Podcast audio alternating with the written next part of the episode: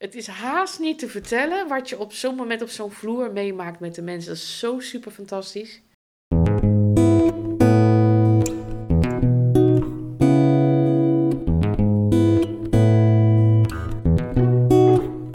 Hoi, goed dat je luistert en welkom bij deze podcast, waarin ik in verschillende afleveringen in gesprek ga met vrijwilligers die werkzaam zijn bij Sirenlo. Ik spreek hen over hun motief om dit werk te doen en ben benieuwd naar hun verhaal en ervaringen. Mijn naam is Judith Lubbers. In deze aflevering praat ik met Siska van der Linden, die kookvrijwilliger is op een woonlocatie. Ze kookt drie keer per week voor 12 personen met een ernstige meervoudige beperking. Ik vraag haar wanneer ze is begonnen met vrijwilligerswerk. Dat is nu bijna drie jaar geleden. En dat is eigenlijk begonnen doordat ik ehm, gescheiden ben. En toen kwam ik in aanmerking voor een uitkering. En dan, ja, dan moet je natuurlijk werk gaan zoeken. En dan wou ik heel erg graag, maar door omstandigheden kan ik heel moeilijk een baan vinden. En toen heb ik het zelf aangekaart dat ik heel graag uh, iets wou doen van vrijwilligerswerk. En toen ben ik hier op Cerelo terechtgekomen. Ja, en dat vind ik helemaal fantastisch. En wat is jouw achtergrond voordat je hier begon? Ik heb zelf geleerd voor de zorg. Ehm, ik heb de opleiding uh, verzorgende afgerond. En ik ben begonnen met de opleiding ziekenverzorgende, maar die heb ik nooit af kunnen maken. En toen kreeg ik de kans om hier te gaan werken. En toen had ik het uitgelegd um, waar eigenlijk een beetje mijn passie zat, dat ik toch heel graag met gehandicapten wilde werken. En toen hebben ze gevraagd aan mij of ik uh, op een zwaardere groep wil, wilde werken. Omdat daar heel veel um, mensen moeite mee hebben en eigenlijk afhaken. En ik had juist zoiets van, nou, die uitdaging, ja, die wil ik echt heel graag aangaan. En zou je willen vertellen op wat voor groep je dan precies werkt? Ik werk op een uh, eh, EMB-groep. EMB staat voor uh, ernstig meervoudig beperkt. En um, met die mensen kun je, met sommigen kun je licht wat praten. En door langer met de mensen te praten ga je begrijpen wat ze bedoelen. Maar er zijn er ook bij waar je dus totaal niet mee kunt praten. En met andere dingen moet proberen te communiceren om te begrijpen wat ze willen. Ja, en de meeste mensen uh, zitten in een rolstoel. Er zijn er maar weinig die kunnen lopen of een paar stapjes. Dus ja, die zijn echt wel beperkt, waardoor je ja, eigenlijk alles uit de kast moet halen om toch dat leuke te zoeken naar het contact met de mensen. Hoe ziet dat contact er dan uit in de praktijk? Het lijkt mij best lastig als je niet kunt praten met elkaar. Ja, het is um, heel veel de mensen aanhalen. Uh, met de mensen goed benaderen, wat ze zelf in de handen hebben, uh, naar de mensen toe halen. Zo van, heb je een mooi boekje in je handen en wat ben je aan het kijken? En um, ja, een hand gewoon op de schouder en een beetje de enthousiasme waar je binnenkomt als je wat beter leren kennen. In het begin kijken ze je natuurlijk aan en ga je een beetje zoeken naar het contact met de mensen. En op een gegeven moment kom je op een punt dat de mensen echt zoiets hebben van... Uh, ik herken jouw gezicht, dus dan zie je het in de enthousiasme al. Ja, en dan ga je zelf natuurlijk ook met steeds meer enthousiasme naar binnen. Dat je ze echt al lekker knuffelt als je binnenkomt. En, uh, en, en, vragen naar wat je weet wat ze overdag doen. Van, uh, en hoe is het geweest en heb je het leuk gehad? Ja, en aan bewegingen en, en um, stralingen in de ogen zie je heel erg wat de mensen bedoelen. Dat vraagt wel iets heel nieuws of iets heel anders ook van je, denk ik, als je daar begint, of niet? Ja, ik denk dat dat ook de reden is waarom ze zeggen van je, je moet er een beetje een gevoel bij hebben. Het is echt, uh, ja, het, het gevoel is eigenlijk bij mij zo sterk dat het maakt mij alleen maar enthousiaster. Het, uh, het is niet alleen dat je aan hun geeft, maar je krijgt er ook zo vreselijk veel voor terug. Voor de enthousiasme als je binnenkomt, ja, dat doet wat met je. Dat, dat gevoel, dat geeft je zoveel. Ja, en, en waar praat je met hun over? Of eh, wat, wat vertel je aan elkaar? Ja, hetgene wat ik dan eigenlijk het meeste op de groep doe, is uh, koken voor de mensen. En um, als ik voor het koken ben, is het heel veel de bedoeling dat ze de geurbelevenis ook hebben. Vooral ook voor de mensen die uh, echt heel slecht erbij liggen, die echt heel weinig kunnen. Dan merk je toch in um, de manier waarop ze bewegen of wat ze praten, dat ze merken dat jij met iets daar bezig bent. Het geeft natuurlijk ook een beetje een huiselijk gevoel dat je aan het koken bent daarbinnen.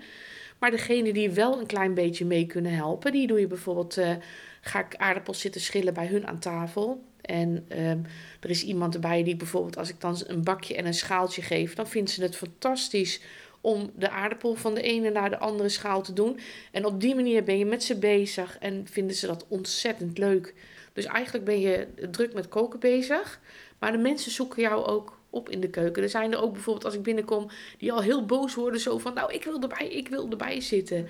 En die, ja, dan weet je van op een gegeven moment van nou die tijd heeft nog geen zin. En dan kom ik je strakjes om die tijd halen.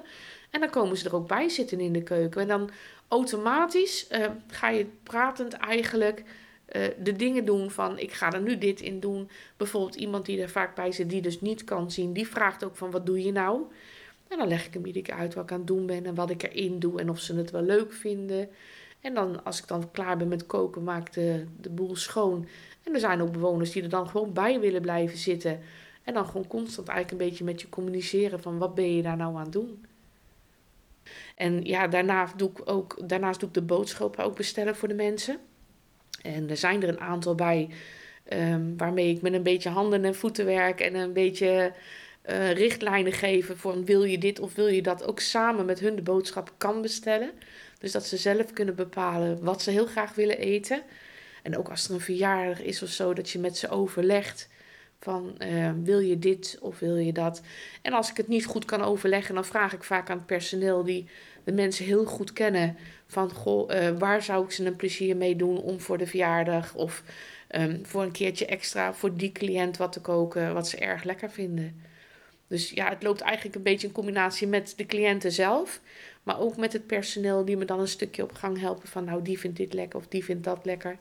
Er zijn er bijvoorbeeld bij die echt, echt geen vis willen. En heel soms doe ik dan toch wel een beetje vis in een gerecht.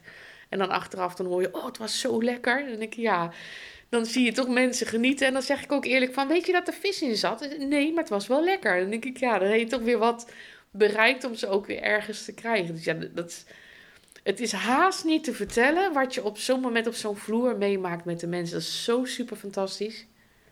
Kook je net als thuis? Ja, ja in principe kook ik echt het, exact hetzelfde als thuis. Um, het is inderdaad wel vaak overleggen van wat willen ze. Er is bijvoorbeeld heel veel uh, uh, plezier in lasagne. Ik heb het wel zo gedaan dat ik. Uh, er zijn heel veel mensen die van soep houden, van pasta's houden. Maar ook mensen die van gewone eten houden. Ik probeer wel zoveel mogelijk, omdat ze tussendoor natuurlijk de standaard maaltijden hebben. Dat ik. Uh, de dinsdag is bij mij eigenlijk altijd soepdag. En dat uh, mogen ze omste beurt kiezen, want soep lukt eigenlijk altijd wel om te kiezen. En uh, dan doe ik meestal de vrijdag of de zaterdag pasta koken. En de andere dag, ja, is een beetje van Goh, wat hebben ze door de week gegeten? Uh, hetzelfde geld zetten we een keer gewoon de airfryer aan. Doen we allemaal hapjes eten.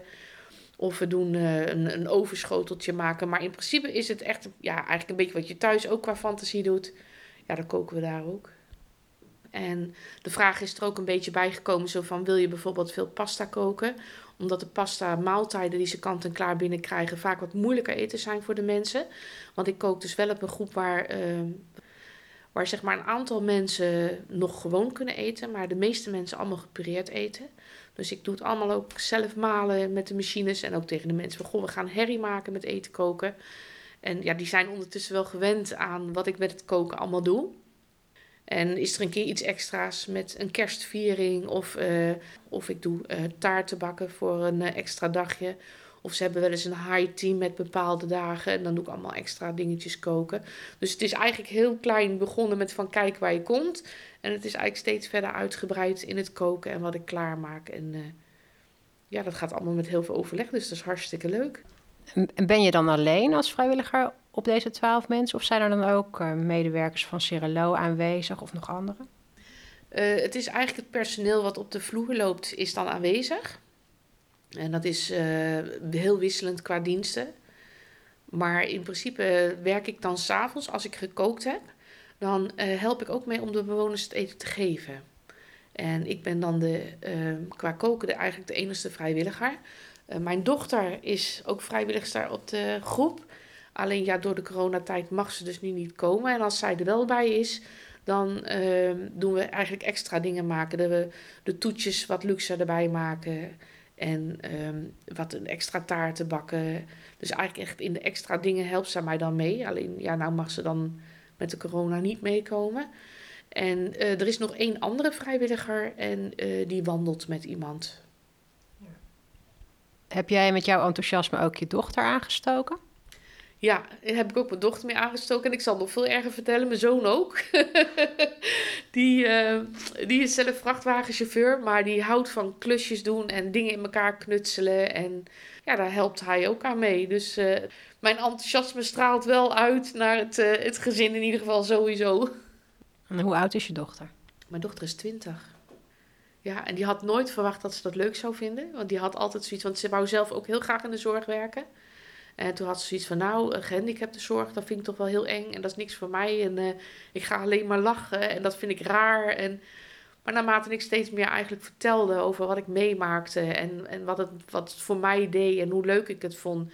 Toen begon ze toch eigenlijk een beetje nieuwsgierigheid mee te krijgen. En toen heb ze me een keer weggebracht. En toen kwam ze buiten iemand tegen. Die mij eigenlijk altijd gedag kon zeggen als ik binnenkom. En uh, daar stond ze eigenlijk een beetje mee te praten. Was toevallig ook iemand die een beetje kan communiceren.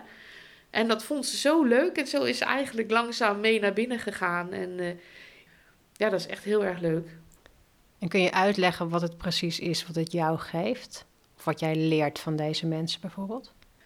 Um, ja, weet je, ik zit natuurlijk nu thuis. Anders heb ik geen werk of iets anders. En um, je bent heel beperkt. Je ziet haast niemand om je heen. En uh, ja, tuurlijk heb je je kennis en je vrienden wel.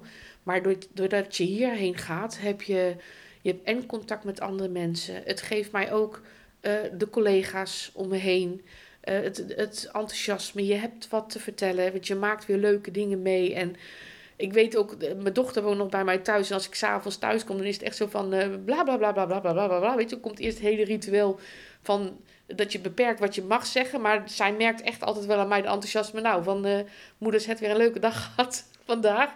En ik noem het ook gewoon echt mijn werk. Zo leuk vind ik het gewoon van nou ik ga daar gewoon naartoe. En ik zie het voor mezelf ook als ik een keertje niet kan of zo. Dan, uh, ja, dan voel ik me eigenlijk belemmerd dat ik niet kan. Dat ik denk van, oh, daar baal ik van.